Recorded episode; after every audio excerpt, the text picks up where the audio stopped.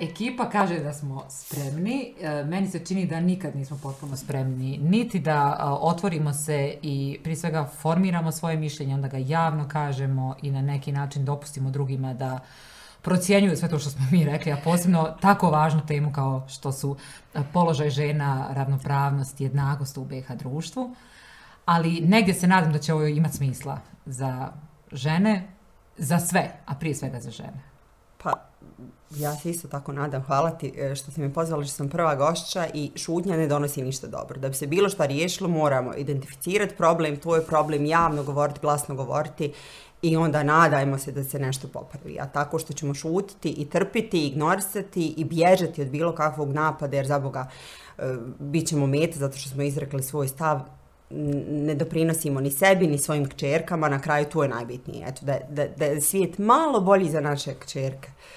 Sjajan uvod. E, pitala si me kako planiram uvod da napravim u ovoj e, digitalnoj formi. Čini mi se da želim da svi oni koji nas budu slušali, gledali, se osjećaju pozvani. Bilo bi sjajno da imamo ovdje 150 ljudi ili više.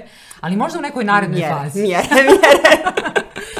Dobrodošla, Dalija Hasanbegović Konaković danas govori za prvi video podcast. Ja sam ga nazvala prvi feministički regionalni. Ako neki postoji, super da postoji. Ja bih zaista voljela da smo umreženi, bolje umrežene, da smo bolje povezane, da žene ženama nisu vukovi kao što često se podlači prominje. I to što si sjajno rekla, da našim čerkama osvijemo bolji svijet. Šta je to što svojoj čerki Kijani želiš da ostaviš kao svoj legacy, kao nešto što je njena mama napravila, a što ima smisla za nju, kao djevojčicu, djevojku, jako Bog da ženu? E, znaš šta, ja sam ono, e, govore, znaš kad je 8. marti, tako uvijek nekako svi mi smo dijelili godinama za jake žene, da budemo jake žene, da odgajamo jake žene, da smo jake žene, vjerovatno si ti to vidjela. I tako sam ja to dijelila i onda sam jedne godine stala, ne znam, nisam imala kijenu tada, kao jake žene, čekaj sekund, šta znači ta paradigma jaka? Ja, jaka, koža ti je jaka na mjestu gdje imaš ožiljak. Što ti je veći ožiljak, to ti je koža deblja, pa ti je tu jača koža. Da bi ti bila jaka žena, ti moraš proći kroz puno, ti moraš moći da izdržiš puno. I kao, zašto mi to želimo jedna drugu da smo mi jake? Zašto mi jedna drugoj ne želimo da smo mi sretne i zadovoljne? Jer je to puno kompleksnije. Znači, sretna sam i zadovoljna što sam nezavisna, mogu da radim što god hoću, imam svoju slobodu, imam financijsku nezavisnost, e, niko me ne kontroliše, tu sam sretna, zadovoljna i ispunjena. Ne moram da trpim ništa što me ugrožava na bilo koji način. Ne moram biti jaka, jaka znači moram da trpim. Ja sam jaka, ne zato svojim izborom, takav mi je život ispao. Ja sam izgubila oce sa devet godina, da se to nije desilo, ja ne bi, potpuno bi drugačiji život imala. I jakom te čine svi tvoji izazovi, sve prepreke koje imaš, e, teške situacije, nekih e, more suza isplakanih obično u četiri zida da te niko ne vidi jer ti moraš biti jaka za okolinu jer, jer kad si slab privlačiš još si veća meta, ne možeš pokazati da si slab. I ti učiš da budeš jak zato što te život te tjera ili neke te okolnosti tjeraju. I mi jedna drugo konstantno želimo da smo jake umjesto da želimo da smo sretne, da smo zadovoljne. A da možda da bolje e, prevazilazimo izazove, jer, pazi, nema šanse da kroz život prođeš bez tih ožiljaka. I postoji, između ostalog, ta neka ideja da sve nas to učini onakvim kakve jesmo danas. Pretpostavljamo da smo negdje najbolja verzija sebe i ta uh, New Age psihologija nas često tjera kao nisi najbolja verzija sebe, kazni se. Ali ovaj... Toksični a, pozitivizam, ili tako nekako to se zove, ja mislim. Da, da. A, već si pomenula, pa možemo krenuti od nekog početka. Samo sam htjela reći zašto Dalija je po meni apsolutno relevantna sagovornica o, svima, o svim temama koje se tiču a, žena koje u ovoj bosansko-hercegovačkoj, balkanskoj stvarnosti pa i evropskoj stvarnosti a, egzistiraju i rade. A, pomenula si sama da si ostala bez a, oca jako mlada, s druge strane taj tvoj najuži, najuže jezro tvoje porodice činile su tri žene, jer tvoja Dvi. sestra i mama. Da, nas tri, da. Pa onda e, školovanje i rad e, na tri kontinenta, pa ćeš nam dati tu paralelu da li je ljepše, lakše, bolje živjeti, ne znam, na Bliskom istoku i biti autonomna žena, da li je to možda bolje i lakše u Americi, zavisno ko si u Americi, tako dalje. Dobijala si stipendije u vrijeme kada ja nisam ni znala da te stipendije postoje od Amerike do Velike Britanije. Dobro, malo sam starija od tebe zbog toga. Vjerujem jako malo za sve ono što si postigla.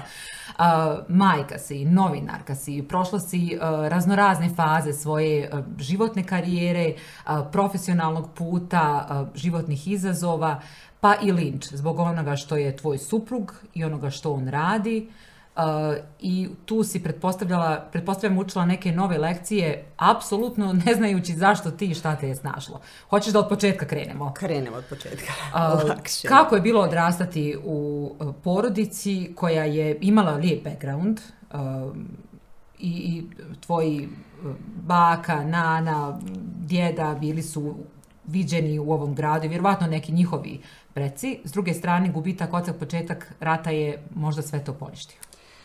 Potpuno promijenio život. Tu, tu mi se život potpuno promijenio. Ja bih mogla Dakle, ja sam bila dijete do devete godine, pa ne znam sad je li baš previše ra, ono, razmaženi, ja sam imala autoritet, eh, mama se slušala naravno, e, slušala sam i tatu, ali sam imala mogućnosti kakve druga djeca nisu imala. Ja bi djecu odvela, aha, idem ja tamo, odvedem djecu na ručkove, idemo po sladolede i tako, ni o čemu nisam razmišljala, jer jednostavno bili smo privilegovani, recimo tako. Putovala sam, ja sam sad do devete godine, do tatine smrti, obišla već pola svijeta s njim. Mi smo stalno putovali, on je stalno putovao, on je živio u avionu. I onda se to sve samo srušilo u tom njegovoj avionskoj nesreći koju on poginuo, kad je meni bilo devet godina. E, iza toga smo imali još jednu tragediju. E, tetka mi je mlada, naprasno umrla i iza toga je došao rat. I to je bilo bukvalno, ja uvijek kažem, imala sam djetinjstvo do devete godine i onda sam odrasla. Ja uopšte nisam imala taj period jer takva je situacija. Sestra mi je bila mlađa, sestra je imala četiri godine. E, moja mama je bila, ja sad razmišljam, moja mama je bila mlađa od mene kad je ostala udovica sa dvije svoje male djece. I krenuo je rat. Mislim, meni su sad neki izazovi, jao, kako ću se samo organizovati, ko će mi spavati djete kad sam treća, ako je Dino na putu. A zamisli tu situaciju da ti imaš 38 godina kao moja mama i ostale dvoje male djece udovica i, i počinje rat. I onda sam ja tako na jedan brutalan način otkrila u stvari koliko je ovo muški svijet i kako se društvo ponaša prema tebi potpuno drugačije kad se zna, upravo jer smo mi, e, znalo se ko je moj otac, svi su znali da ga više nemam. I ponašaju se drugačije, znači svi se ponašaju, znaju da ti nemaš tu neku vrstu zaštite.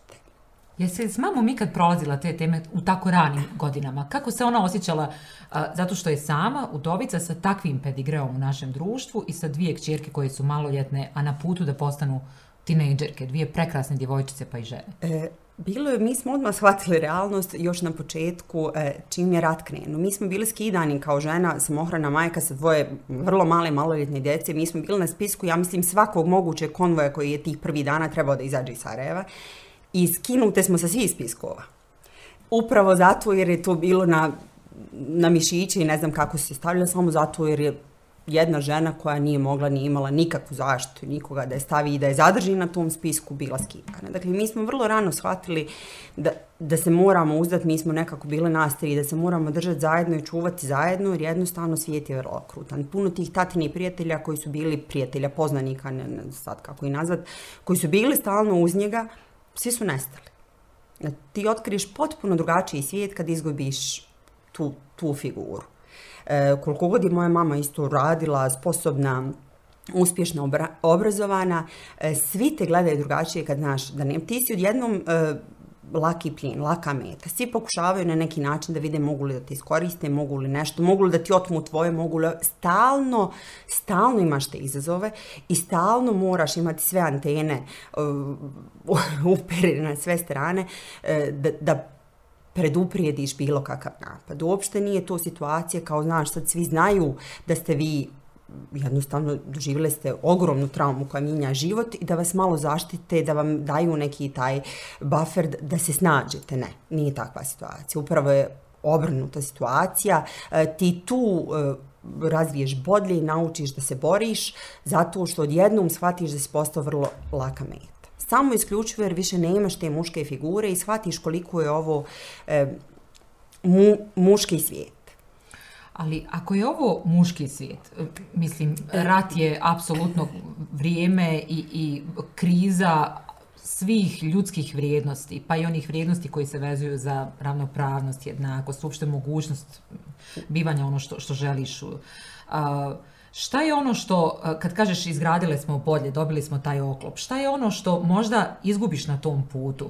Jer ne dozvoliš sebi da te neko povrijedi. I onda imaš taj uporno tu distancu prema ljudima koji ti se možda čine da su zlonamjeri, da će na bilo koji način te zloupotrijebiti, a zapravo nisu. To si odlično, odlično identificirala. Ti vremenom postaneš, nisi ti nedruželjubiv, ali tvoj krug sve manji i manji. Zato što jednostavno prvo navikneš, moraš sam, shvatiš da si sam i da, da najmanja šansa za problem, za razočarenje jeste ako ti si sve sam napravio i uzdaš se sam u sebe, ne očekuješ ni od koga ništa i sve baze pokriješ tako. Ali tako sužavaš svoj krug ljudi, jer na kraju samo ti ostanu oni ljudi koji to postoji mi apsolutno i možeš vjerovati. E, vagaš previše, možda budeš, ne znam, i, i paranoičan. Mislim, te te traume te doživotno promijene. To nije nešto što ti možeš da kažeš aha, evo sad sam izašla iz toga, ja sam to te učini onim ko ti jesi, ali to te promijeni, to ostane neki e, otisak, promijeni ti način na koji razmišljaš i kako sam ja razgovarala sa jednom profesoricom, e, zavisno i u kojoj fazi mi kao djeca, ja i moja sestra, e, smo isto prošli, isti gubitak imali, sve isto prošli, ali u različitim fazama tih formativnih godina i potpuno se različito odrazilo na nas. Meni Jeste li kad imale, oprosti, nekakvu vrstu psihološke podrške? Jer to je kod nas baš velika stigma. I onda mi kad porastemo se sjetimo da su to neke traume iz djetinstva koje nit smo tretirali, nit smo liječili, mi znamo danas šta ćemo s njima. I najčešće kad postanemo majke, shvatimo da govorimo riječi koje smo mrzile kad smo bili djeca, da možda čujemo iz usta naših majke. E, I to i stignete sve, nismo mi imali nikakvu, nismo imali taj luksuz i jednostavno je dolazilo sve jedno za drugim, znaš, mislim, to je bilo grozan period, ja znam, samo sjećam se, ja kao dijete, tad ja sam mislila, meni će svi, svi će mi umrijeti koje volim, svi će nestati, jer samo je to krenulo, krenuo rat, mi smo bili kod Olimpijskog muzeja živjeli tamo, znaš, to je gorio Olimpijski muzej, mi smo se preselili u podrum, bukvalno treći ili peti dan rata, jer je opsade, jer je taj dio bio najintenzivnije granatiran od prvog dana. A jesi li u podrumu, e, sad mislim ovo su baš čudna pitanja, ali, ali moram te pitati, sjećam se e, za vrijeme rata da sam ja razvila nevjerovatnu maštu i onda sam imala razne prijatelje u vidu sjenki, u vidu zvukova i tako, ovaj, jer nemaš nikakvih sadržaja, mislim kakav crtani film, struja i tako dalje. Jesi li tad ovaj, imala neke tajne prijatelje? Jesi li tad razmišljala kad ovo sve prestane, ja ću to i to? Šta si najviše željela u tim ja momentima? Ja sam obsesivno čitala. Moja mama je imala jednu vrlo, vrlo bogatu biblioteku. Uh, uh, uvijek je ono, ulagala u to i to je ispalo jedna od najboljih investicija. Ja sam ti uh, čitala knjigu dnevno, nije mi mama dozvoljavala da čitam kad kandilovi ili svijeća već na večer šta smo imali, nije bilo struje, uh, da neštim, ne kvarim vid i onda sam ja prvo sam tako naučila jako brzo da čitam i tu je krenulo negdje od Agate Kristi, na primjer, pa tamo ne dođe gdje se otkriva ubice, mora, mora da završim do tog kan, do te svijeće ili kandila. A to kao prava štrebjaka, kao ali, pod svijećom sam čitala. Ali to je meni u stvari bio, bio taj neki drugi svijet. Ja sam živjela kroz te knjige, ja sam tu cijelu, to su stotine i stotine knjiga, ja sam to sve pročitala, ja nisam izlazila. I ja mislim da je nas spasilo, mi smo imali nastavu, svaki dan rata nije prekidala se po raznim punktovima, po podrumima, po svim. I morali učiti naši na, nastavnici, osnovno su od nas više tražili u ratu, čini mi se, nego prije rata. Ali to je bilo neki psihološki način da mi ne mislimo na ono što nas okružuje, što se dešava, da mi ne znamo jer je grozni stvari bilo. Mislim, to su dječji masakri, djecu koju znate, koju je moja sestra trebala da bude u tom jednom, došla samo kući ranije jer je odgladnula, iznenada. Mislim, grozne, grozne stvari. I grozne stvari da dijete to treba da, da kanališe kad mu se dešava. Mi smo bili djeca. 9, 10, 11 godina, to je sve malo dijete.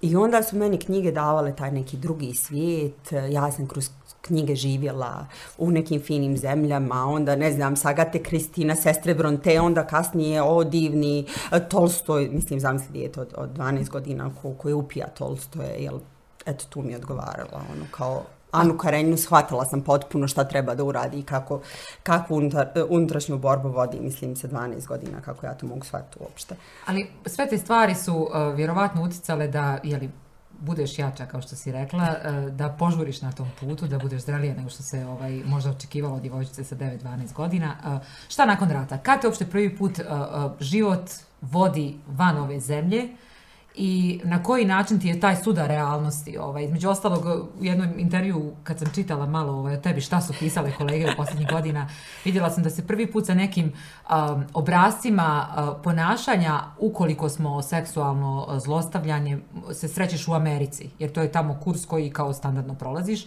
Mi o tome sad pomalo razgovaramo, ali ne bih rekla da neko ima formalno pravno napisane postulate gdje kad uđeš u novu sredinu, u novu instituciju, ti zapravo dobiješ tačka A, tačka B.C, pa znaš šta ćeš s tim ako ti se to, ne daj Bože, desi. Vidim da se i sad to gura, to je krenulo uh, Eh, sa ovim slučajem, malo se više pričalo o slučajem glumice iz, eh, iz Beograda i Srbije i sad opet vidim da nema neke eh, velike priče o tome.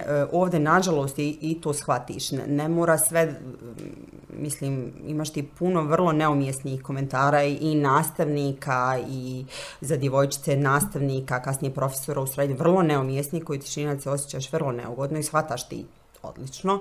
E, da ali ne znaš šta s tim. Ali ti, e, takva ti je situacija da ti ne možeš kome ćeš ti to otići. Niko ti nije rekao da je to neumjesno, ti prijaviš, ti ćeš biti u problemu. I onda ti naučiš kako da ti odgovoriš, tako da potpuno to, tu osobu odbiješ ili nekako sebe zaštitiš, a da opet ne uradiš ništa da on tebe može prijaviti, jer su stvari ti si tu taj ko može biti u problemu. Tako je to bilo. I dan danas nastavnici su autoriteti, koliko god oni možda ne bi to priznali. Šta će dijete od nebitno 12-15 godina? Mi smo društvo nasilja. I razumiješ neke stvari koje ti djetetu ne možeš imati takve komentare djevojčici. I ja kad sam pričala sa svojim drugaricama, ja ne znam, kažem, ne mogu generalizovati, ali e, Za mene su znali da nemam oca, za, za, za njih se znalo da imaju. Njima se te stvari nisu dešavale. Druga strana, oni tu pocijanjuju moju mamu. Ja mame nisam govorila zato što moja mama je nevjerovatno snažna e, žena e, koja nikakvog straha nema. Mene više bilo straha da ja to mami kažem i da moja mama ode i da nešto uradi tu, toj osobi da ću ja ostati onda i bez mami. Tako da onda ti sam nekako dječju donosiš prosudbu kako da sebe zaštitiš, kako da se skloniš, kako da praviš situaciju u kojoj ti nisi ugrožen, uvijek si s nekim. Nekako ti mm instinktivno to počneš da učiš. To je dio preživljavanja. Nemaš ti si ubačen u tu vodu, ti moraš da naučiš da se snalaziš. Ali pazi, ti se nisi sakrila kao dio je preživljavanja. Sad ću ja ostati u tom uglu gdje sam ipak sigurna u, u svom stanu kad je rad završio sa mamom i sa sestrom, nego si odlučila da se izložiš svijetu. Pa šta bude? Um, Eh, ne mo, ja se nikad nisam krila, ni od čega, ne, ne mogu, nisam taj tip. Jednostavno, ja idem, ja se borim, ja sam borac, ja sam se borila za drugu djecu. Onda kad sam se ja osjećala ugroženo, ja sam istupala i borila se za neke druge, takav je moj karakter. E, moja mama, iz toga svega što nam se desilo, smo naučili, uvijek je govorila, dakle, tvoje znanje ti niko ne može oduzeti. Evo vidiš, sve se desi, ne, ne zna čovjek što život nosi. Ali, kad imaš svoj hljeb, to ti ne može niko uzeti. I gradiš to, gradiš sebe da si ti si tako ojačavaš sebe. Jer si ti tako jači za svaku narednu prepreku kad si ti u situaciji da ti ne moraš da trpiš nikoga, kad ti ne moraš da budeš jer imaš grozne situacije. Ja volim jako pričati s ljudima, kad odim na pijacu, utvrđu sa svima da pričam. E, imaš situacije gdje žene moraju da trpe, jer se dovedu u takvu situaciju da njoj egzistencija, njene djece, hrana, hljeb zavisi od toga što će ona trpiti nekoga, jer je takva situacija. Čini mi se da je to bosansko-hercegovačka realnost i ova zapadno-balkanska realnost. Upravo to, ne samo zapadna, svuda na svijetu je to nažalost realnost, jer ako žena e, se, nije dovoljno snažna, nema, nema alate da bude samostalna. Ali čekaj, pomenula si mi u pripremi ovaj, ovog razgovora mm -hmm. da uh, si isfrustrirana koliko puta si na nekim konferencijama kao govornica pričala, nema veze iz kojeg aspekta, da, da li kao uh, novinarka ili ne znam, aktivistkinja i onda shvatiš da pravimo ipak ogroman uh, uh, gap, jel na engleskom, ili, ili odvajamo se od žena koje rade u nekim tržnim centrima, koji rade nisko plaćene poslove, koje preživljavaju dan za danom, da mi ispričamo budite snažne, udružite se, idemo se boriti, a dok ona sa tom platom ne može da pokrije djetetu osnovne uh, uh, zahtjeve od škole do, do ne znam, Ništa. hrane. I onda su prisiljene, e to je onaj stvar što, što čini se više štete nego koristi. Divne su konferencije, mi sjednemo i uvijek su tu divno obrazovane, elokventne, jako uspješne i sposobne žene. E, nekada je situaciji mora su rad neka provjera ti žena, jer nekada ja sam bila u situacijama gdje su žene koje znam da, mislim, imale su sretne okolnosti, imale su očevo firmu u kojoj su gradile karijeru, prešle sa muževom, rade tu, dakle nije to same postigla, ali onda predstavlja ženama koji su stvarno u teškoj poziciji da je to sve ona sama bez ičije podrške uradila. I da su one krive što to nisu. Upravo to. I ona je super organizovana, ali to one za Boga moraju se malo bolje organizovati, pa će i one to da To nije u redu, jer to nije istina, to ne ide tako i to tako ne može. I E, žene su priče su stvarna taj borba ravnopravno sve sa pričama tih žena one su većina kad ti ideš, pričaš sa, sa ženama koje rade, koje su kasirke, ko, koje rade u prodavnicama, tržnim centrima, na pijacama, ledi se na pijaci žena, e, stoji tamo po svim vremenskim uslovima i prodaje i onda ti objasni kako hrani divno, ona, ona sama izdržava i hrani sa tog svog posla, djecu i, i školuje i dalje da bi oni imali bolji život. Ali šta mi možemo uraditi te žene osnažimo? To je vrlo teško pitanje. Pa znaš šta, prva stvar je, ja mislim, jedna, jedan veliki problem je ovdje, i sad ne znam kako je po ostalim zemljama, ali ono što čujem e, je varijanta, dakle, žene se kao, ako se razvedu, neće da trpi muža koji ili nasilnik ili ima neki problema, razno razne vrste, ne mora biti sve fizičko nasilje, ima raznih stvari, Međutim, onda dođe se u situaciju da njoj, je li sud ili socijalna ko već odredi šta da nekakva minimalna, je li to 200 maraka ta neka alimentacija, koja ne pokrije ni osnovnu, ni, ni ne znam, ni vrtić, ni bilo šta, ni knjige, ni ništa. I onda tim ženama dođe e, iz socijalne službe neko i kaže ženi, pa dobro, vi nađete još neki posao. Kao da je sasvim normalno kad muškarac prekine kontakt sa ženom, nema više, eto ona neće da ga trpi, nemaš djecu ako želiš da brineš o njima, brini. I tako mi slabimo žene, tako mi treneramo žene. Najveći razlog što se žene vraćaju muževima koji su fizički nasilnici jeste taj financijski moment, jer ne mogu sa, sa djecom da prežive. Ne mogu da žive. Nemaju čega.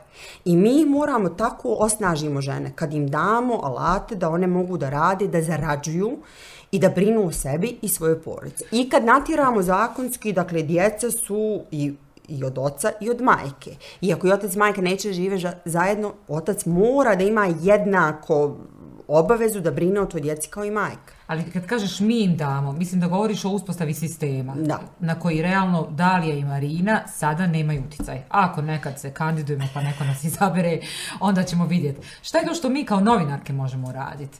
Jer prema brojnim istraživanjima žene kao relevantni izvor informacija su apsolutno nezastupljene. Priča o ženama se svodi na to da je ako govorimo o slučajevima nasilja, gdje su nažalost najviše a, a, tematizirane, odnosno prika žena je kao žena žrtve, žena koje su samohrane majke, žena koje su preduzetnice pa prave med, uz poštovanje svih koje su pčelarke. Da. Ja mislim da ne smijemo takvu sliku graditi, da je apsolutno uh, uh, žena inferiorna kroz medijsku sliku ili eventualno uspješna zato što ima mali obrt. Jer imamo žena koji su uletjela na mjesec, koji su preletjela ko zna kad Atlantik.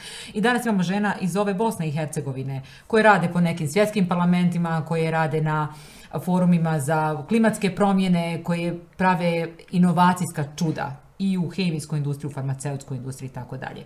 E sad, šta je to što mi kao novinarke moramo da mijenjamo, da bismo tim ženama dali jači glas? I vodiš li kad računa, kad razmišljaš o gostima kao želim imati žene, kad pogledaš priču, da su žene te koje su, ne znam, u anketi, a muškarci ti koji donose odluke i pričaju o infrastrukturnim, ekonomskim, vojnim temama? Puno ima, tu, ima tu puno problema. Ima s jedne strane e, stvar, e, treba vidjeti zašto žene, i kad imaš izbor, zašto žene ne biraju žene. Dakle, tu ja ne vidim da je urađeno nikakvo istraživanje, ali kad, kad kasnije rade neki post factum urade, obično žena je ta koja je vrlo rijetko birala žene. Dakle, tu imamo tu jedan problem, jer vjerovatno i kroz tu sliku i kroz dugogodišnji e, društvo i uređenje mi mislimo da žene nisu jednako sposobne. Neće ona možda se posveti za Bog ona koja je majka, bit će posvećena djeci, neće se posvetiti poslu i takve stvari. A žena upravo te kad postaneš majka shvatiš koliko si u stvari ranije trošio vremena na glupost jer sad možeš deset nekakvih stvari i možeš sa četiri sata sna i, da, i sve završiti i opet naći vremena za sebe što nisi mogao recimo ranije kad nisi imao dijete i tu obavezu nekako si gubio vrijeme na gluposti. E, ali sve je e, To su žene kao donosioci odluka. Žene kao donosioci. Kad govoriš to o nasilju, e, kako prezentujemo te žene, meni je to uvijek smetalo. Kad radi se kampanja da se spriječi nasilje u porodici, e, ti žene, uvijek je slika žene kako ovako sjedi u čošku i, i kao čuva se e, od udaraca. Mislim, ne znam jesi primijetila. Dakle, uvijek Da, nikad žena nije... sa masnicama. Žena sa masnicama, žena udarena ili rade poznati tu kampanju i onda je žena sva puna, e, žena puna modrica i nekih posjekotina i kao to pokazujemo. I vi samo osnažujete nasilnika. Jer njemu kažete ovo je žrtva, ne može ništa, evo mi je molimo, nemojte trpiti, ali ona jadna se štiti. I niko ne priča, imate žene koje su prijavile, žene koje su uzijele, ne, ne mora to biti pravilo. Ali hajmo ženama vratiti moć. Znači žene koje imaju pukao film, neće da trpe, našla je to, prijavila je, našla je ovo. E, šta se desilo u zatvor sa tim čovjekom? Jer ja koliko čujem ovako, mislim, ni zatvorenici ne vole baš e, nasilnike. I kad gledamo to nasilje, kako nam prezentuju te kampanje za spričavanje nasilja u porodici, tu ženi nikad ne, ne pokazuje nam ženu koja ima bilo kakvu vrstu moći. Ženu koja je prijavila, ženu koja je otišla, organizovala svoj život, uspjela pobjeći od nasilnika, išla na čašcove borilačkih vještina, odbranila se nešto uradila, da nam pokaže da te žene mogu. Nama samo pokazuju jadnu ženu koja se čuva, koja ne može nigdje, koju na kraju ubio muž, I kako vi onda nekoj koja trpi i tu je koja se razmišlja da li da pobjegne ili ne, kako da joj kažete da, da, da, pobjegne? Ničim je, kažete pobjegne, ali eto možda ćete naći pa ćete ubiti kasnije. Ali ima ogromna stigma kulturološki oko toga da žena koja trpi nasilje to uh, i prijavi. I sa druge strane, mislim da je to vrlo kompleksna tema. Uh, koliko puta si uh, prisustvovala nekom nasilju, koliko puta si čula kao, kao komšinica da se nešto dešava i onda se pitaš kome prijaviti, šta uraditi s tim. Pa onda cijeli ovaj sistemski uh, uh, kovitlac u kojem se tačno ne znaju ni put kojim bi trebalo da ide ajmo nazvati ona koja je preživjela nasilje. A, sigurne kuće koje egzistiraju bez formalnog pravne podrške, financijske prije svega od strane a, entiteta, države i kantona, već kako je ustrojeno. Pa onda od inspektora koji često u razgovoru sa žrtvama nasilja sam shvatila da ih nagovaraju, ma nije to ništa, ma da ti znaš kako to može biti, nemoj se puno. Dakle, inspektori sami, odnosno oni koji bi trebalo da procesuiraju taj slučaj, tužilac, psihološka pomoć, socijalna pomoć, sve je to negdje na vrlo niskom nivou. I onda su ove kampanje koje, koje radimo i koje, o kojima izvještavamo vrlo važan alat, ali apsolutno ne smije biti to jedino što hoćemo da pošaljemo kao poruku, kao onima koji trpe nasilje. Upravo i moramo poslati poruku, dakle, da postoji nada, ne moraš trpiti. Ne moraš, nešto će se organizovati, dakle tu treba prvo sistemski da se riješi i tu je uvijek osnovni problem. E, radila sam sa, u, u tim nekim kampanjama, kasnije sam privatno donirala, pomagala te kuće, nekako to mi je zaista zastrašujuće te okolnosti, pogotovo kad su djeca svjedoci nasilja ili djeca koja na kraju ima situacija i upravo u Bosni ima situacija gdje je sa, sa majke prešao na dijete i napravio dijete trajnim invalidom. I majka je kasnije pobjegla s tim djetom, ali to dijete je trajni invalid do kraja života. Jer je otac ga napravio trajnim invalidom dok je bio beba. Tako da treba ženama reći da se moraju izmeći. Treba djevojčice, znaš šta, mi imamo ovdje još jednu drugu vrstu problema. E, nasilje nije odmah nasilnik, fizički nasilnik odmah šamara, pa kao kako ga nije prepoznala. Prvo kreće vrlo suptilno i ti ovdje imaš sa djevojčicama kad slušaš u gradu ili kad prolazim pored njih pa i slušam kako priča. E, posesivnost, a neka obsesivna ljubomora, oni misle da je to znak velike ljubavi. Ja divno, ne daju nigdje koliko nju voli, on nju ide provjeravati, nije to znak nikakve ljubavi. Još duba društvenih mreža gdje je to otišlo. Jer e, između ostalog razgovarala sam sa e, pedagogicom koja kaže, znate, nekad je školsko nasilje bilo u učionici ili u dvorištu. Sad se ono nastavlja kroz društvene mreže, dakle nema kraja. I sama si tu vrstu uh, cyber ili online nasilja proživjela. A, htjela sam da odemo do, do Amerike, do Velike Britanije. ja zaboravila sam stipendiju. Vraćamo se stipendije, kad smo na temi nasilja, a, mislim, o tome se može pričati danima i vjerovatno ništa epohalno nećemo reći. S druge strane, vrlo mi je važno da a, podijelimo svoje shvatanje, da znamo da postoje te žene, da nisu ispod nivoa mora, dakle da ih mi vidimo, da, Da. ih čujemo i da negdje mogu na mene i tebe i na sve ono što mi radimo i na našu medijsku platformu računati kao priliku da njihovi glasovi postanu vidljiviji. To je možda neka vrsta suptilnog pritiska na donosioce odluka, ali vjerovatno samo tako možemo očekivati da za 5 ili 10 godina ipak situacija bude malo bolja, da se i zakonska rješenja mijenjaju, da se pravilnici mijenjaju i da ta žena sa svojom djecom, ukoliko je uh, pretrpjela fizičko nasilje, ne mora ona otići u sigurnu kuću. Pa neka bude to taj nasilnik. Nasilnik treba otići u zatvor gdje mjesto. Mislim, Ali da, da priča, zatvori su da. pretrpani, sudstvo usporeno i tako Da. dalje. A, na temu cyber nasilja, a, jesi li ti, od kako si se udala, autonomna u onome što živiš i radiš? Osjećaš da postoji jedna Dalija Hasanbegović, koja bez onog Konaković može da egzistira i bude to što jeste, uvažavajući sve to što jeste tvoj suprug i to što si, kako da kažem, dobila sa njim. Vjerovatno i dobro, a ponekad i ne tako dobro. Pa, e, sreće naravno da jesam, ja sam se, ja se nisam rano udala, ja sam se udala u 35. godini, već formirana, e, sa svojom karijerom, sa svojim imenom, tako da bilo bi neshvatljivo potpuno sada ja da nestanem ja. Ne znam kako bi to mogla. Mislim, ne znam, ni u 20. to je po mom karakteru da sam mogla da nestanem u 35. je vrlo, te, vrlo teško. E, samo što je to donijelo, ja sam mislila zaista da smo mi dovoljno civilizovano društvo, do kao što postoje slučajevi širom normalnog civilizovanog svijeta do razvojene. Ja se ne, imam svoju karijeru, svoj posao, on ima svoj posao.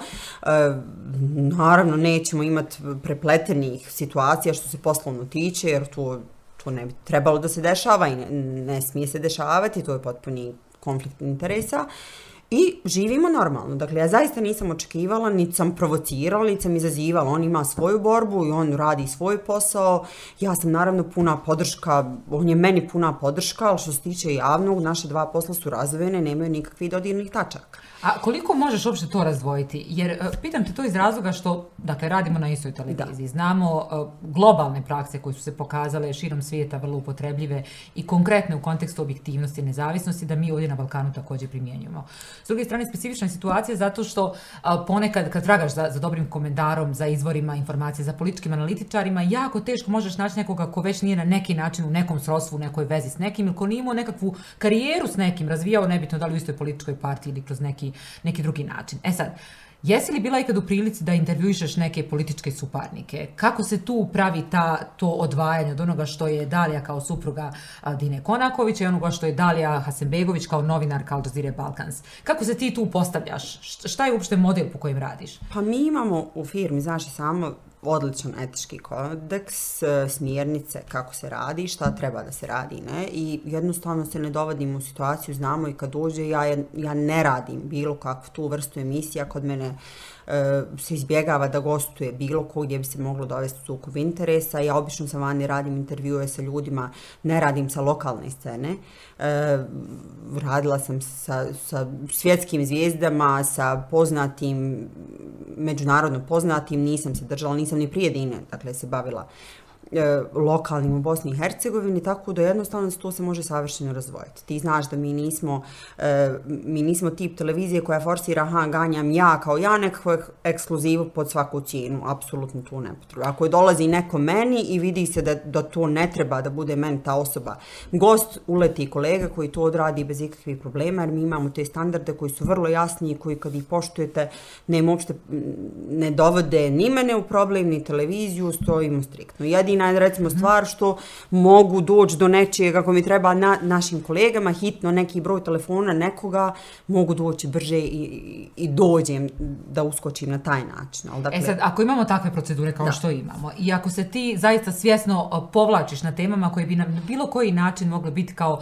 zlopotrebljavanje tvoje pozicije, da nešto izvještavaš posebno pozitivno onome što radi uh, na politički način tvoj suprug ili ljudi okupljeni oko njega, uh, Zašto si onda izazvala uh, takvu reakciju javnosti? E, zašto su baš tebe našli kao potencijalnu metu?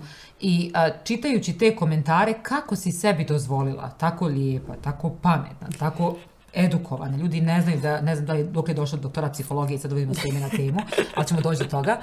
Kako si sebi dozvolila da, da uh, u sve ove uh, rane ožiljke, pa i tu, hajmo nazvati debelu kožu koju si nažalost morala da stekneš tokom djetinstva, da te to toliko povrijedi? Pa valjda uh, nisam bila spremna.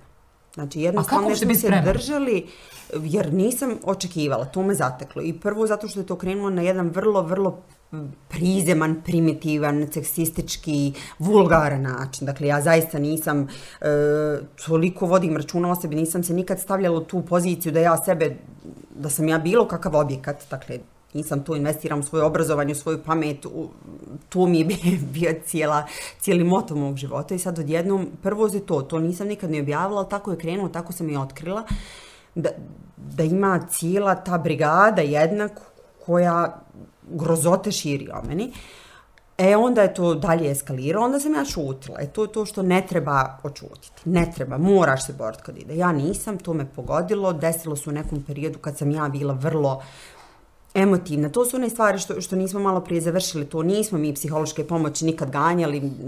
Trebale su nam vjerovatno svima jer ja vidim sad se meni vraćaju neke traume iz tog mog djetinjstva kako imam svoje dijete. Ja imam te neke anksioznosti, znaš, tog, tog, tog straha od gubitka i sve to sad mene stiže nakon 30 i koliko 31 godina kako je meni tata poginuo. Mene sad to stiže. Dakle, mi smo uvijek trebali smo, naravno, treba dobiti psihološku pomoć za svaku traumu.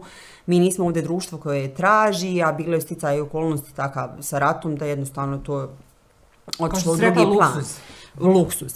I e, desilo se, dakle, meni u toj nekoj fazi sam ja bila izuzetno osjetljiva i, znaš, ono, prva prvi mjeseci trudnoće, hormoni su ti svakako svuda, ne možeš da kontrolišeš, čak, čak, si, ve, čak čas si veseo, čas ti se plače i tako. I onda sam ja te stvari čitala i to je bilo zastrašujuće. Mislim da se ne šta si iživljava čitala? se.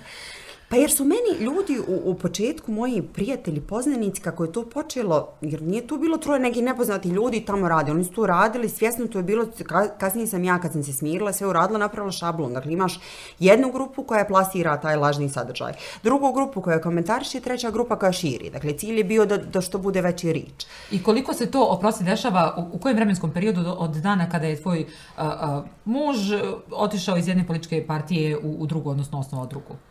Pa ja sam to sve nekako otkrila u, u proljeće 2019. Dakle, to da se dešava. To je prošlo par mjeseci, ne, godina dana nakon toga svega. E, I mislim da je bilo uzroko, sad ja više ne znam, ja pokušavam stvarno sad to zaboraviti jer vidim da nema ganjam ja još uvijek neki pravosudni epilog, ali male su mi nažalost šanse nakon što je to dvije godine provela u ladici u tužilaštvu, da sad nešto mogu stvarno i otkriti od tih profila ko stoji iza njih, um, ali ne odustajem. Dakle, ne odustajem, ganjam, bar da dobijem napismeno da, su, da oni neće da dalje ili da ne mogu ništa da, da utvrde. E, mislim da je on nešto je uradio, dakle, ja sam postala meta kako ti ciljaš, kao, znaš, mafija cilja na porodicu kad pokušavate da našteti nekome e, ili da ga zastraši ili šta, mislim da je on nešto uradio, nevezano nije mene uključivalo, ali Prepoznata si kao laka meta. ali jednostavno I strateški jest. su igrali na tu igrali vjerovatno misleći da će se on povući ili ja ili ne znam, mislim, zaista nisam očekivala, to me zateklo, uzrokovalo mi neki dosta drugih problema, eto kažem, pretpostavljaju sad ovaj moj Hashimoto koji me prati, jedina sam u porodici koja sam dobila neki problem sa štitnom, ali to je sad nažalost problem svake druge žene, pretpostavljaju da je taj stres. Jednostavno se desio takav period vrlo intenzivnog stresa, tih hormona, sve zajedno i kulminiralo kako je kulminiralo. Kasnije kad su oni nastavili, ja sam već tu nekako se smirila, stala i rekla ja neću biti žrtva. Ja sad idem s ovim, nije bitno, neko oni dalje rade. Ali ja neću šutiti, jer znaš šta je bilo stvar? E, sad svi znaju da postoje ti neki koji kreiraju lažne sadržaje, montiraju ljudima, e, laži, pokušavaju diskreditovati ljude. Sad svi znaju. 2019. ljudi su meni divni, šokirani, moji profesori nešto slali kad to vide, potpuno šokirani što se dešava. Neke montaže o tome kako sam ja išla u katolički školski centar, pa ja sad pokrštavam Sarajevo, znaš, mislim, za strašne stvari. A šta je najgore što si pročitala? Sjećaš se neke rečenice koja te duboko ubola u srce? Pa, Ako... E, najstrašnije mi je bilo kad su oni u, u toj nekoj e, objavi počeli da mi sad e, spominju i sestru, i sestrića, i moje dijete, i, i dovode oni u nekakvu vezu sa, sa mislim, vezu, ne, ne znam, nije to ni izmišljotina, znaš, sa, sa nekim zločincima takve gluposti, ali znaš, ti sad upličeš meni moje dijete. I još i u jednoj varijanti bilo gdje, gdje mi je dijete e, koristili sliku mog djeteta, jer sam ja sasvim normalno, ono, stavim, znaš, ne, ne dijete se igra sa zečićima i ne znam, e, uskrs je, ja stavim tu sliku Kijene koja se igra sa zečićima, svim svojim prijateljima čestitam, čestitam uskrs. Mislim, ja cijeli život čestitam svojim prijateljima i uvijek ću, neće me niko uh, spriječiti. Ali oni to iskoriste i onda to kao, a, koristi svoje dijete da čestita drugima praznik, ovo je strašno, vidite, mislim... A jesu ti pisali direktno ili su pisali po nekim Ne, forumima? ne, niko ili meni su- direktno ništa nije. To su bili profili koji prave sadržaj protiv mene, koji koriste nešto što mogu o meni da nađu i oni između sebe šire. To je, to ti je ta vrsta, recimo, kad, kad čujem kasnije uh, sa tim divnim ljudima u, u cyber odjelu za, za, za cyber kriminal u, u FUP-u, pa govore tako, tako ide sad to vršnjačko nasilje kad se prebaci na društvene mreže što govoriš. Oni jednostavno kreiraju e, kao grupu ili nešto, izaberu metu i onda o tom djetetu takve prave grozne stvari djete zna, ne uključuju oni direktno, ne kažu nešto ćemo ti uraditi. I sad svi se iživljavaju verbalno za tastaturama na tim djetetom. E, tu ista bila varijanta, samo se dešavalo meni. Uh, javno si uh, objavila uh, da si izgubila bebu zbog toga. Uh, Pretpostavljam da je taj stres, ta je kombinacija bila.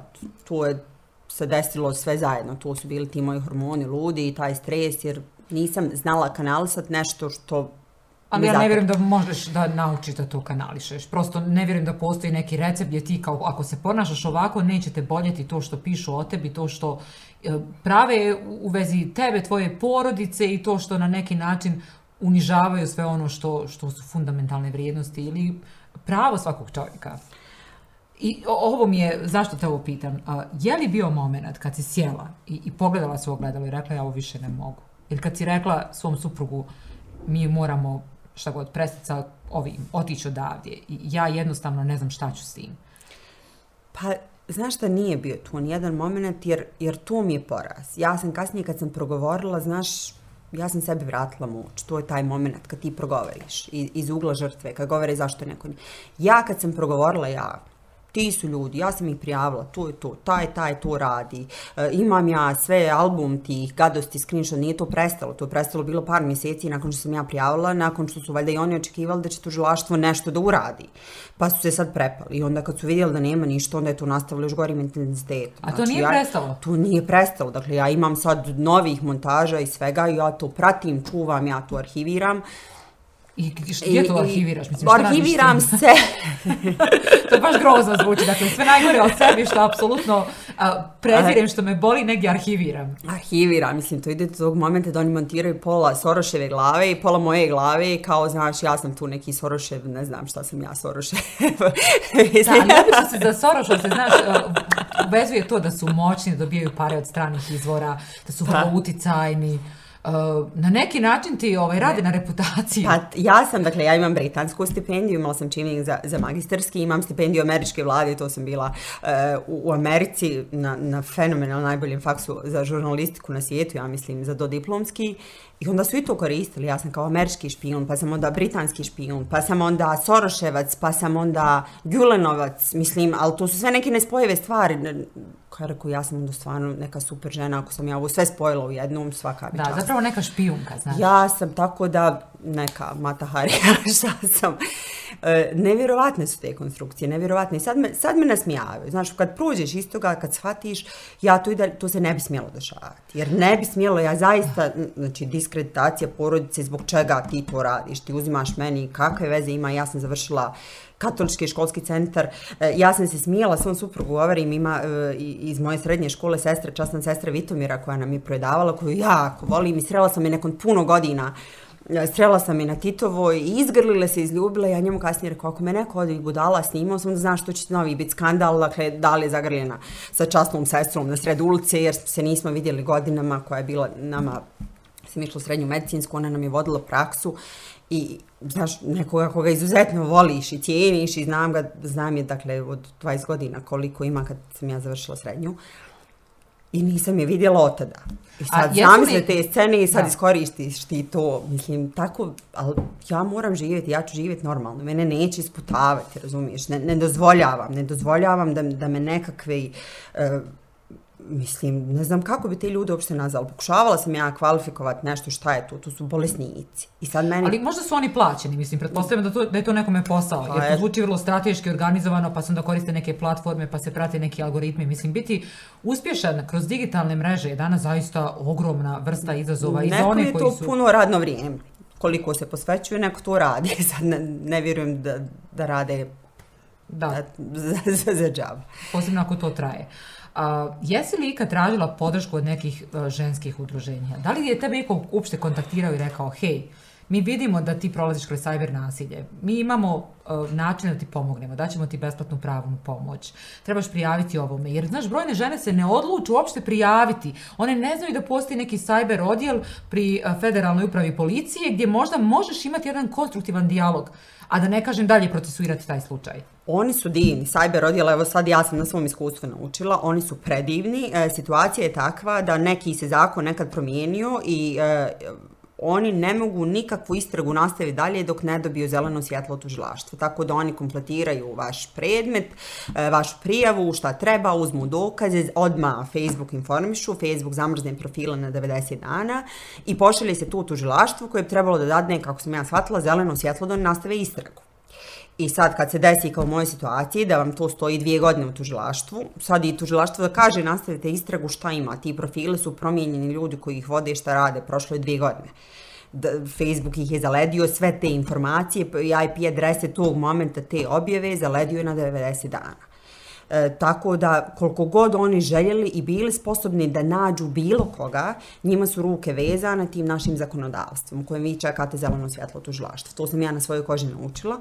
E, nažalost, evo sad su nešto pokrenuli, ali ne vidim da će se išta desiti od toga, jer ja pratim, ja sad već već ja znam po sintaksi, po strukturi rečenica, e, znam u mom slučaju tri ili četiri profila da je bila ista osoba po vremenu kad su objavljivali po načinima kako su pisali šta. Sad već jedan se aktivirao opet. Svi su oni nestali. Kad sam ja javno rekla, ja sam ih prijavila, svi su bili deaktivirani. I bili su deaktivirani nekoliko mjeseci i valjda kad su vidjeli da da ništa od toga neće biti od moje prijave, opet su se neki od njih aktivirali, mada ja sad pretpostavljam da ih vodi dru, druga osoba, jer malo drugačiji je e, drugačije su e, konstrukcije rečenica, već možeš vidjeti po, po analizi sadržaja nekog da, da vjerovatno ne radi ih ista osoba. I vidjet ćemo šta će s tim slučajem biti. Ali što se tiče udruženja, znaš, i, i tu ima jedna druga stvar. Jesu neka su udruženja, mislim, udruženje poslovnih žena je tad meni e, javno iskazalo podršku. Um, mimo toga, e, ono, mislim neka prijateljice, novinarke ovako jesu, kao udruženja ne, ali to ti to bude situacija, znaš, ja sam napadnuta, nisam ništa uradila da izazovem napad, a onda ti neko gleda hoće li me podržati ako mu se tog momenta sviđa šta moj suprug radi i super podržavamo Daliju, nemojte da je dirate. Ako za deset dana se ne sviđa šta Dino radi, ja bacite Daliju vukovima, otprilike tako ide to, nažalost. Tako da ja ne dobijem puno neke iskrene podrške, niti očekujem, niti tražim, jer, jer to više nema veze sa mnom, znaš. Mislim, ja sam napadnuta ka, kao žena, nečija i ne bi trebala biti napadnuta jer ne radim, ja ne radim na budžetu, ja u životu nisam radila na budžetu.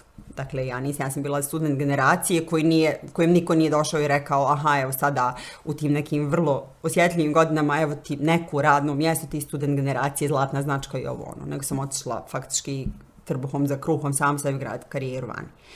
I, I dalje studirati, raditi, boriti se. Dakle, ja ništa sa tim ne, sa budžeta nemam da bi bila sa bilo kog, e, da kaže sada, aha, uzimamo porezki novac, e, pa imaš pravo da budeš met. Pa, mislim... ali, ali pazi, e, mislim da nije dobro uh, staviti legit, legitimnost na, na napadanje i nekih žena koji jesu na budžetu, jer imamo dosta parova koji su Absolutno. zaposleni u raznoraznim službama. Zašto te pitam, jesi se obratila udruženjima žena? Nekad mi se čini da među ženama, te, ne, te neke kao tipične, sad ću pod navodne znake, fundamentalne ženske vrijednosti, solidarnost, sestrinstvo zapravo ne postoji. Jer mi mjerimo uh, to da li ona dovoljno jednaka meni, ako je uspješnija od mene, šta se to znači? Za nekoga je to wow, za nekoga je to razlog da te također ovaj, odbaci i stavi sa strane. Pa onda postoji da li si dovoljno feminiskinja, da li si dovoljno tradicionalno, konzervativno, patriarhalno odgojena, zavisno iz kojih perspektiva gledamo. I ponekad mi se čini da nikad nismo dovoljno dobre i da se sa tim nosimo bile one koje su žrtve, koji su preživjele nasilje, koji su novinarke, jer će se uvijek postavljati pitanje zašto Marina, zašto Dalija, šta god, ako treba da bude promovisana, ako treba da razgovara, da li je ona dovoljno kredibilna, propitujemo često previše ne dajući ženama vjetar u leđa, tražimo neku izvrsnost od žena, dok za muškarce nemamo baš takve stavove. Jer dijeliš to mišljenje o pa dijelim, nažalost, to bude tako. I, I kad se boriš, vrlo često ti budu žene te koje ti prave više problema nego, nego muškarci kroz tu neku borbu. I ne znam, ali nije to samo od što je, evo ja sam živjela, dakle, živjela sam u New Yorku, živjela sam u Londonu, živjela sam u Istanbulu, u Dubaju, u Abu Dhabiju, e, sestra mi u Atinu 2003. tako da sam i ja u Atinu faktički računam je to kod drugom kućom, a sticajem okolnosti sve moje prijateljice u Londonu sa, sa postdiplomskog su bile grkinje, tako, znaš, imam i tu vezu. I nigdje to nije baš sad da ti kažeš aha super žene su ravnopravne, jedino smo mi ovdje na Balkanu. To nažalost nije, nije slučaj. A gdje je lakše, e, New York ili Abu Dhabi? Jesi bi otprilike rekli na prvu New York? Pa, znaš, prilagodiš se ti, e, prilagodi, moraš shvatiti e, i istoriju i tradiciju i društvo tamo mjesta gdje odeš. Meni je uvijek smetalo kad neko stigne i ono kao smeje tamo sve. E, prihvatiš, prilagodiš se tim ljudima. E, jedan britanski profesor je divnu knjigu opisao, e, napisao o svom radu u Emiratima, zar oni ne znaju da je petak. Jer petak i subota su njima dani vikenda, a njima uredno svi poslovni partneri zapadnog svijeta šalju mailove u petak i jako se ljudi što oni odgovaraju petak. I e, I onda ti tu, onda te nauči kroz tu knjigu, recimo, kroz taj, kod njih je um, vrlo nepristupno reći neću ili nešto odbijate neki prijedlog ima. I onda oni pokušavaju natjerati tu drugu osobu, drugu stranu, da iz njihovog izvrdavanja i, i odugovlačenja danima zaključi sam da od tog posla neće biti ništa. Što zapadnjake i mene prilično nervira, reci, ima, nema i doviđenja, idemo dalje. Uh, Ali kod njih je to nekulturno i onda ti moraš prihvatiti da je to takvo društvo, tako uređeno i kad ti prihvatiš i poštuješ to njihovo, onda ti shvatiš e, i onda tu plivaš. Znači, ženama tu se prilagodiš tim nekim pravilima koji su u mom slučaju bili malo drugačiji jer... E, ne želiš ti ni da budeš tamo shvaćen uh, kao sad zapadnjakinja. A gledali su te tako, jer si bijelkinja. Je, je, mislim, ističem se, visoka sam, drugačija, ono, strašim.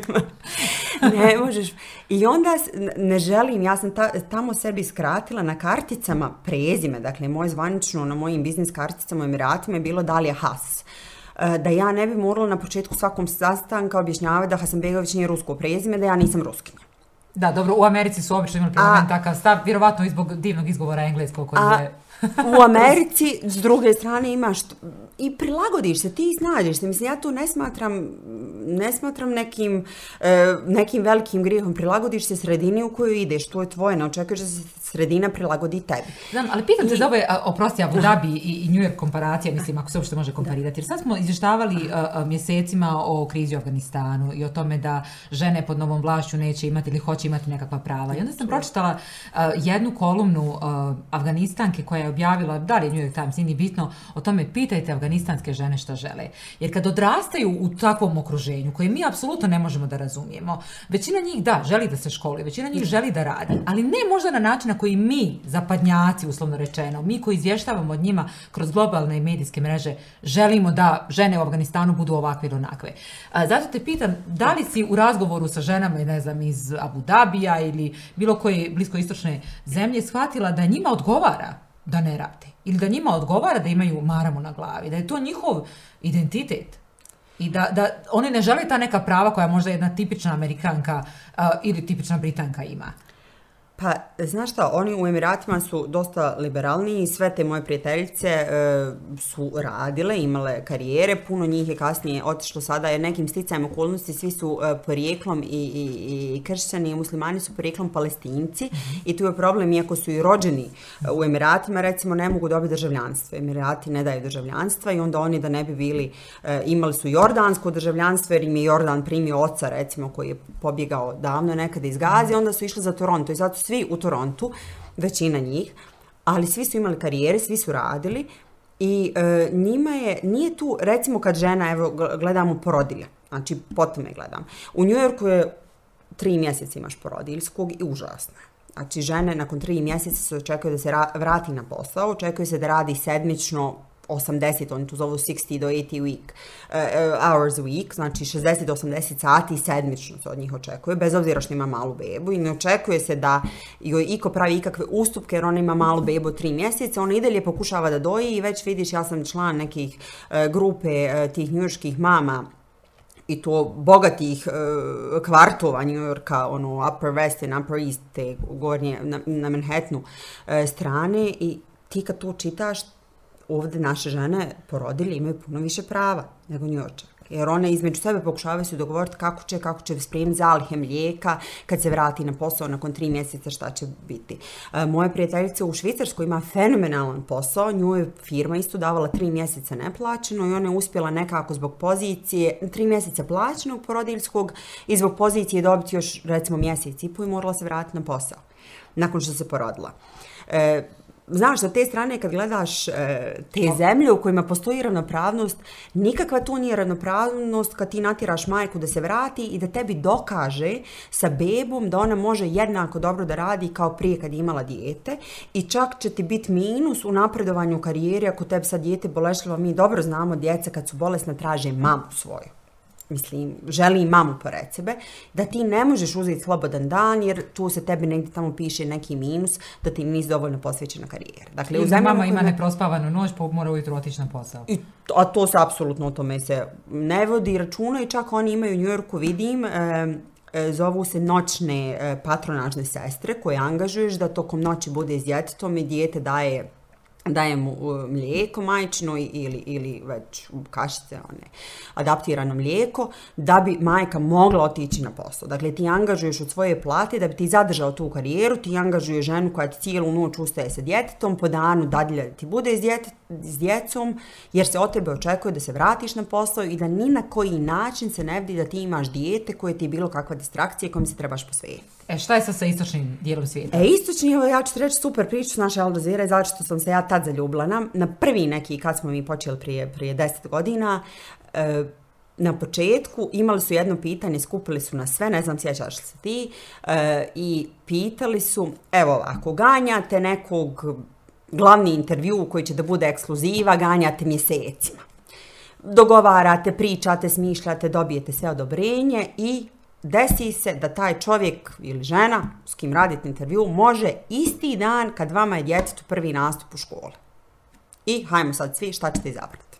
Ja se ne sjećam toga, vjeruj. E, a i nešto ne znam šta bi to... izabrala sa 25, znaš. Dakle, je. to je bilo pitanje koje mene, šta ćete izabrati? I sad su svi počeli, a, pa dobro, intervju bit će nastupa još dječjih, ovo, ono, oni samo slušali ovako, rekli ne. Mi hoćemo ljude koji će izabrati dječji nastup. Tebi kolega može uletiti, uraditi intervju, neće propast Al Jazeera, neće propast tvoja karijera, bože moj, ekskluziva, imat ćeš drugu ekskluzivu. Djetetu ćeš slomiti srce ako mu ne dođeš na njegov prvi nastup, jer on će uvijek znati da mu nisi došao na prvi nastup i neće to nikad moći popraviti. Ja sam s meni oči suza, pričali smo o tome, ako koja zaplače da ćemo imati rating.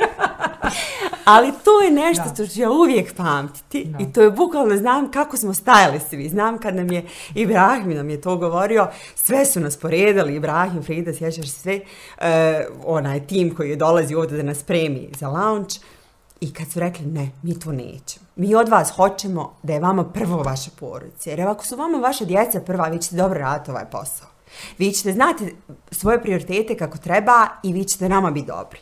Ako vi ne znate svoje prioritete kao kako treba, vi nikom niste dobri. Niste dobri svojoj kući, niste dobri nama i mi to nećemo.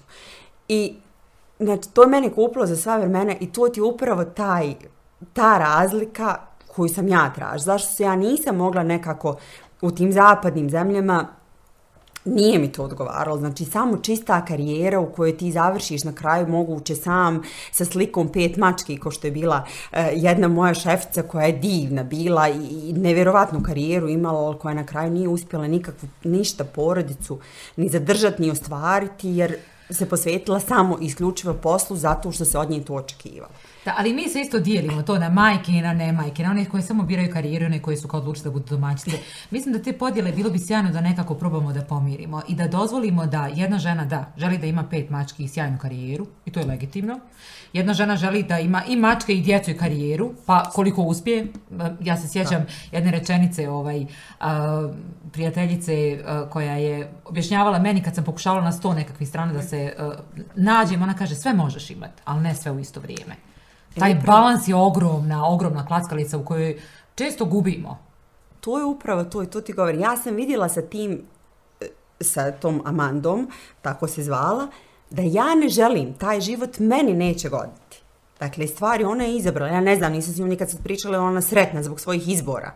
Ali ja sam sebe vidjela tu, jer je meni tako ukrenulo naglo, mogla sam sve i ja sam faktički se vratila kad mi je najbolje išlo i kad sam dobila nevjerovatnu ponudu, jer sam ja shvatila ako ja to prihvatim, ja prihvatam taj put. Ali si se A ja vratila u neću. Sarajevo, što Da. to? Jer mi se činilo kao od svih tih silnih mjesta gdje si bila da si vjerovatno mogla neku drugu metropolu. Jesi imala taj poriv da se vratiš blizu mame, blizu Pa mjesta gdje si... bilo je tu, znaš, jednog momenta shvatiš, ok, idemo, meni sestra već nije tu, ali ona je imala porodicu, pa ima i razlog što se ne vraća, ja sam kao sama idem se vratiti bar kući svojoj, da sam tu, da nismo na Skype vezi e, i da vidim. I Mislim, i to nije baš ispalo, ja sam kao samo tražila od, od svog tog, nakon što sam dobila pondu da vodim jednu od tih firma, ja sam radila za holding koji ima pet svojih kompanija, radila sam razvoj biznisa za svih pet i onda sam dobila pondu, dakle da ja sa svojih 28-9 da vodim jednu od tih firmi.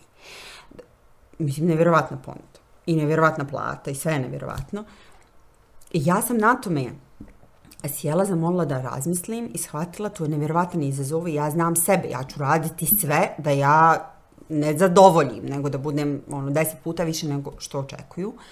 Ali ja tog momenta odustajem od bilo kakvog privatnog života, od e, ja idem, ja sam tako živjela, odim na tri dana, vidim sestru od meni nije bilo mrsko leti cijeli dan, da vidim nju jedan dan, pa da se vratim opet ili tako dođem kući.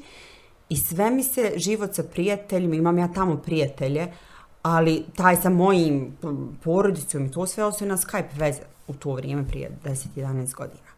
I ja sam samo zamolila da malo razmislim i onda sam zamolila tog svog divnog šefa s kojim sam i danas prijatelj, ja ne mogu, ne, ne želim ovo, e, ja odoh kući. I pa nije čovjek mogao da vjeruje, mislim, ko još kaže idem, ja vraćam se i onda je rekao, dobro, idi ti sada, hajde otiđi malo ti u Sarajevo, ljeto je svakako je prevruće sad ovde, dva, tri mjeseca ti budu, tamo mi te čekamo, svakako nam sad ovo nije hitno, mi te čekamo od oktobra da ovo popunimo, jer on meni nije vjerovao uopšte da ja... Ja sam tako stigla u Sarajevo, kao nije bilo to finalno, nego ja dolazim u Sarajevo, krajem ljeta da ja, eto, malo razmislim pa ću se ja vratiti. I u to mi je sasvim slučajno se desila, mislim, to su sad neke stvari koje, znaš, mi nekada toliko silno upiremo, pokušavamo da usmjerimo taj volan gdje mi mislimo da treba, a nekad radiš sve što možeš i trebaš samo da se opustiš i stvari se nekad zaista sami slože. Ja vjerujem da ništa Sad- nije slučajno. Sasvim je slučajno tu uletila, mislim, malo za koju ja nisam znala da dolazi i nisam znala ništa, ja sam mislila da se nikad više neću vratiti u medije i samo se to složilo samo od sebe i ja sam ostala ovdje. Dakle, Šta si pomislila prvi dan kad si me upoznala? To te nisam nikad pitala. Jer ima jedna, jedna divna, jedan divan nadima koji si ti meni dala, jedna kad se ja nešto ovaj, s nekim uđem, ne mogu reći u konflikt, ali u ne, neku verbalnu raspravu, ja kažem, mene na poslu zovu Sunshine. Sunshine. Ti jesi bila sunshine, jer si ti uvijek tako bila vesela, tako vesela jesi ti taj tip. Ja stvarno ne ja sam ne znam šta da mi se dešava, ja ću uvijek, po meni nikad neće znati. To, to isto moj odbrambeni mehanizam bio. Ne mora neko drugi trpiti što je meni loše. Ja sam jako cijenila što tebi se nije znalo je li ti teško ili nije, ti si uvijek vesela. Ti si voljela da pjevaš i to je bilo vrijeme kad si ti spremala svoju svadbu. Kad si došla, tako da smo mi sve bilo Svi veselo i divno, svi smo spremali svadbu i meni je to ostalo, dakle, sunshine, bukvalno sunshine, ono sunce te obasja kad ti uđeš i to mi je ostalo s tobom uvijek prva asocijacija. I tačno je, tebi pripada. Da, baš ti hvala. A, mislim da smo negdje pri kraju razgovora, nisam ni gledala na sat, ali ovaj, a, šta je to što te može rasplakati? Jer a, ove sad sve stvari koje si pričala nekako vrlo suvereno vladaš i tim dijelom kad a, si osjećala se vjerovatno i uplašenom i a, ponekad možda beznadežnom, jer biti u ratu, pa onda ostati bez oca, pa uh, tražiti taj svoj put, pa hajmo biti realni, biti sama u Londonu na nekoj stipendiji. Nije to tako jednostavno. Svi koji su ikad otišli, pa prvi put ušli u metro, pa prvi put možda na nekom najboljem engleskom koji oni znaju pitali nekoga kod vas ne znate engleski u Londonu, to je mislim isto šok jer koji broj ljudi živi i dan danas u našoj dijaspori, a ne govori jezik a, i naravno drugi ljudi.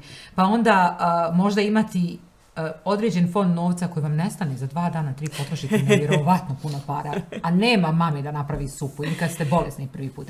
Mislim, sve to nekako pričaš vrlo, uh, uh, iz ove perspektive, ok, gledaš na to, pretpostavljam sa najljepše, pamtimo samo sretne dane. Ali uh, i dan danas uh, vodiš neke bitke koje možda nisi birala i taj volan o kojim pričaš i kad pustiš, vjerovatno, koliko god pustiš, ti želiš da on ide u, nekoj, u nekom pravcu.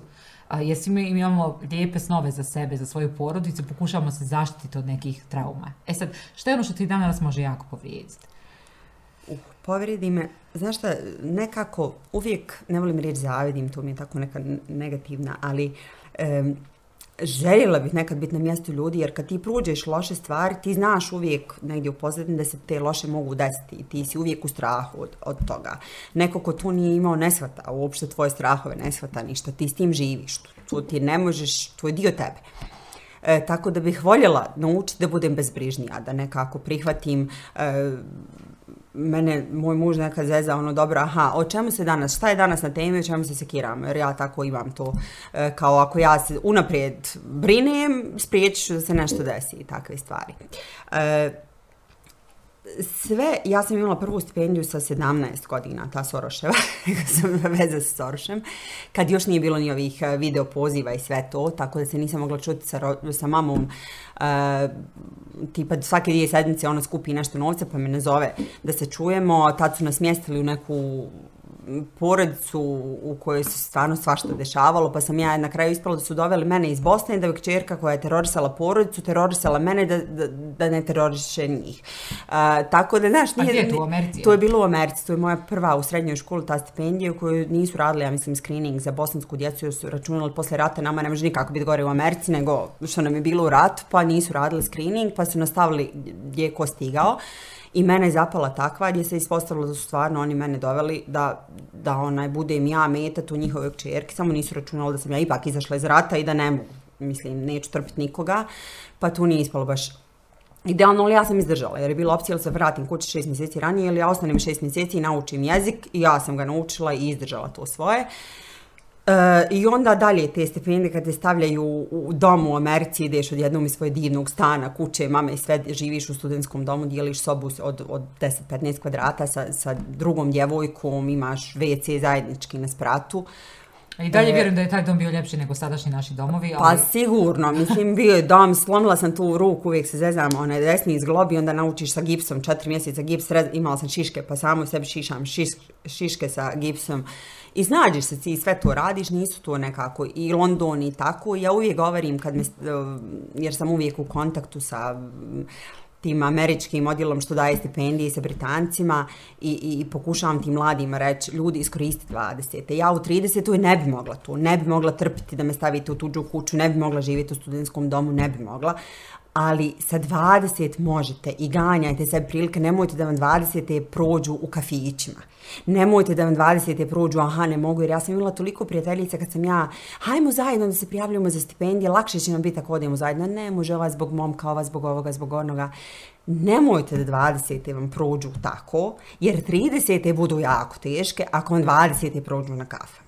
Dakle, 20. jači ste, agilni ste, možete trpiti više, imate veći prag tolerancije na puno stvari. 20. ganjajte stipendiju, otvarajte sebi prilike, imajte. Ja sam imala, prevodila cijelu noć, radite poslove za neki mali sitniš, ali skontate da će vam biti super na CV-u, jer to je iskustvo, ne plaćaju vas puno.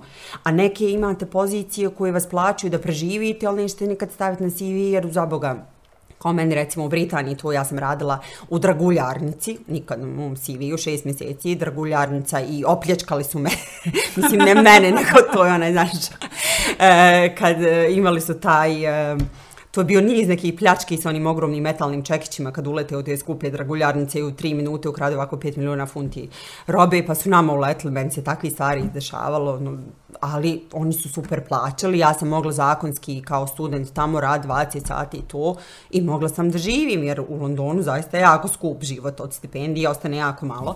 I plus, e, to si mogla da, da živiš, da preživiš, da nisi vodila porodcu, jer hipotetički danas 10 mjeseci nikad ne bi otišla, pretpostavljam, bez, bez Nema svoje šanse. Nema šanse. I da sad ti treba... Sad ti treba puno više. Zato 20 te iskoriste, nije bitno kakva, imaš težak život, nemaš težak život. Jako je malo onih baš privilegovanih koji mogu računati, aha, uvijek su zaštićeni jer je uvijek tu, ne znam, e, tata, mama, kasnije će biti neko ko brine. Jako je malo takvih. E, a, i... a vjeruješ da su nove generacije otvorene, da su nove generacije, posebno djevojaka, a, zainteresovane, da imaju tu proaktivnu formu. Jer imamo i te stereotipe koje se vežu za mladi, da su lijeni, nezainteresovani na društvenim mrežama, mada se meni čini da je ta generacija zoomeri, kako ih zovu, mm -hmm. koji su u suštini odrasli sa, sa telefonima, da su oni puno pametniji, puno sposobniji od nas, ali puno prkosniji i odmah znaju da traže i stipendiju, i platu, i ja vrijedim ovoliko, ponekad malo previše, možda za moj ukus agresivni. Ali tu je problem kako ja čujem od drugih ljudi. Znaš, mi smo, ja sam radila za neki stvarno sitniš, ja sam radila radila cijelo vrijeme, ja ne znam od svoje 17 od kada radim. E, I radiš za sitniš, shvatiš, treba mi za džeparac, šta ja imam neki veliki prohtjeva kao student? Treba mi za to da mi pokrije moje te osnovne stvari, ali radim zato što mi je to super iskustvo za CV. Ja ću da pišem na osnovu tog iskustva će se dalje otvoriti vrata, pa ti dalje ganjaš neki internship koji je super. A ne možeš odmah kao ja, e, super, ja sam toliko pametna, hoću da budem direktor. E, imamo, mi smo bili generacija poslije rata, ja to uvijek pričam, ona direktno poslije rata, dakle mi smo svi upisali srednju školu i ok, ja sam bila dijete samohrane majke. Ali to moje malo društvo je bilo, jednom je mama bila neka, tad baš zeznuta ministrica, zaboravila sam čega, a jednom je tata bio dekan. E, dakle, oni nisu morali, ali kod nas je, mi smo svako ljeto, svaki radio nešto. Ja sam bila sobarica, ova je radio na pumpi, briso šofer šajbe, svi smo išli, e, pokušavali da zaradimo sebi što više za to ljetovanje. I to niko se nije stidio da kaže. Mi smo ta generacija, dakle, niko, nije to bila sramota reći. Ja ne znam sad kad sam čula da neko kaže ide i ganja takav neki posao, da zaradi sebi za ljetovanje ide, mislim, znaš, i, i mladi moraju da shvate da sami sebi, niko im neće super si pametan, mlad, nemaš nikakvog iskustva i dođe, evo ti super plate, jer se ti boriš za sebe. Već vučimo kao dvije srednjovječne žene, kao mladi pa, bi trebalo u mojeg doba bila dvoje. Ne, ali znaš, Shvatam, da. jednostavno otvaraš sam sebi mogućnosti mm. da bi te ozbiljno shvatili, jer ti moraš pokazati uh, pokazati da će se ti potruda, ti znaš da radiš i ti sam sebi otvaraš vrata i tu nema, e, štele ti mogu, znaš kad si u svijetu gdje nisi imao štele ništa, to, to je moje iskustvo. Oni nekome ko ne zaslužuju otvore put do jednog momenta, ali tebe tvoj trud i znanje provede dalje. I, i neće ti niko skratiti mogućnost. Ja vjerujem da. da to, ali nema šanse da će te neko, moje iskustvo kaže, niko te neće preporučiti ako zaista ne vjeruje da si ti dobar kandidat, odnosno kandidatkinja za tu poziciju. Apsolutno. I ti kasnije, i kad jedva se uraš i dobiješ, ja uvijek govorim, ja nisam, ovdje nisam mogla ništa, odem kod Amerikana, te stipendije jako teško dobiti. Tu se tri mjeseca testiranja, za cijelu zemlju tipa dijelu, dijele pet ili šest stipendija. E, testiraju ti ovo, testiraju tri mjeseca, ti prolaziš stalno neke testove do intervjua. I vrlo ih je teško dobiti. I tu nemaš nikakav moment jer stalno oni mijenjaju timove da bi sve bilo transparentno, dakle ne, ne postoji način da se će, ko će dobiti stipendiju, ti tu prođeš. Ti u Bosni nisi u tom momentu, dakle, kažem ti, ja sam student generacije, studiram e, i pravo i žurnalistiku, završam, nije bitno, meni niko ne otvara vrata jer ja nisam ničija. Jer je tako to bilo normalno kad sam ja diplomirala ali zato odeš negdje drugo i prođeš i nikad ne bi mijenjala. Dakle, u to vrijeme oni su ponudili asistentske pozicije koje ja sam toliko silno željela da me fakultet kao zadrži. Ponudili asistentske pozicije nekome koji je tog momenta e, bio čerka e, ministra nekog. Da, pa Nije dobro. meni niko ništa ponudio. Ja nisam imala šanse da to mi pričam. Ali sada, nakon ovih godina, vjerujem mi da bi to bila najgora stvar da mi se desila da sam ja ostala tu. Jer ja sam otišla, ja sam ojačala, shvatila da mogu. Ja danas znam, ne daj Bože nečega, batiš me u džunglu, ja ću se opet dočekati. Jer ja mogu, naučila sam da se snalazim sama u ovoj sredini, u ovoj sredini, drugačija kultura, drugačija tradicija, drugačiji ljudi, sve mogu sama. A da sam ja ostala tu, ja bila učahurena tu bez ovog iskustva koje vrijedi puno više. I vrijedi mi na tržištu rada puno više nego da sam ostala tu. Jesi li radići u draguljarnici kao sobarice, već šta si sve imala ovaj, kao mini opcije po svijetu, razmišljala da ćeš upoznat Angelinu Jolie? Nikad te nisam pitala kakva je uživo. A, prekrasno, prekrasno. Toliko, toliko je bila ljubazna i toliko su svi bili općinjeni.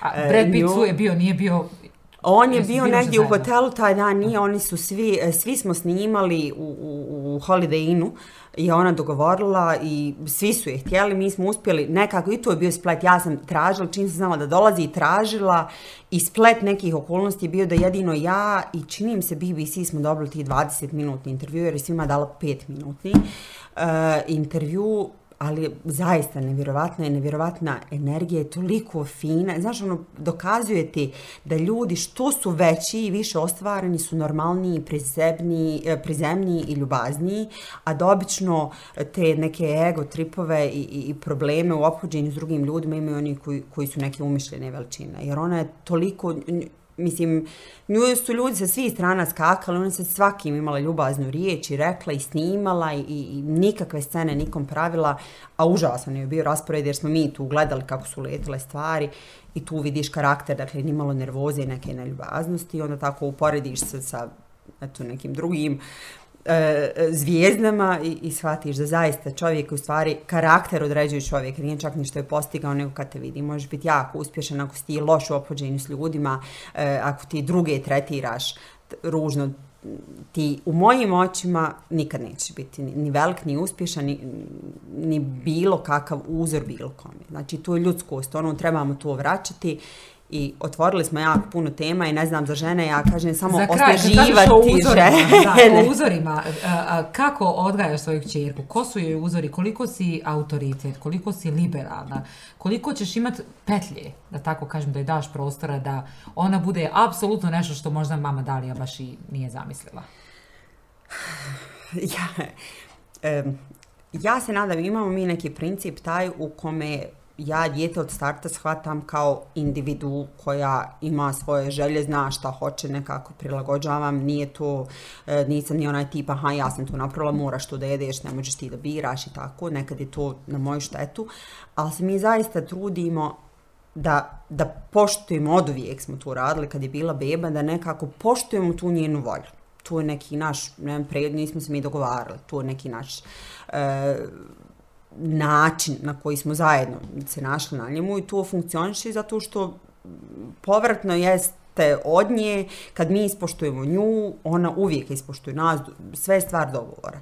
Mi nikad ne kršimo obećanja, ako nešto obećamo, ne pokušavamo da je prevarimo, da se izvrdamo iz tog obećanja, ako smo obećali, čak Pa i ako se vrlo dosljedni smo, jer očekujemo onda i od nje isto i ona to pamti, jer ja mislim da djecu vodimo primjerom.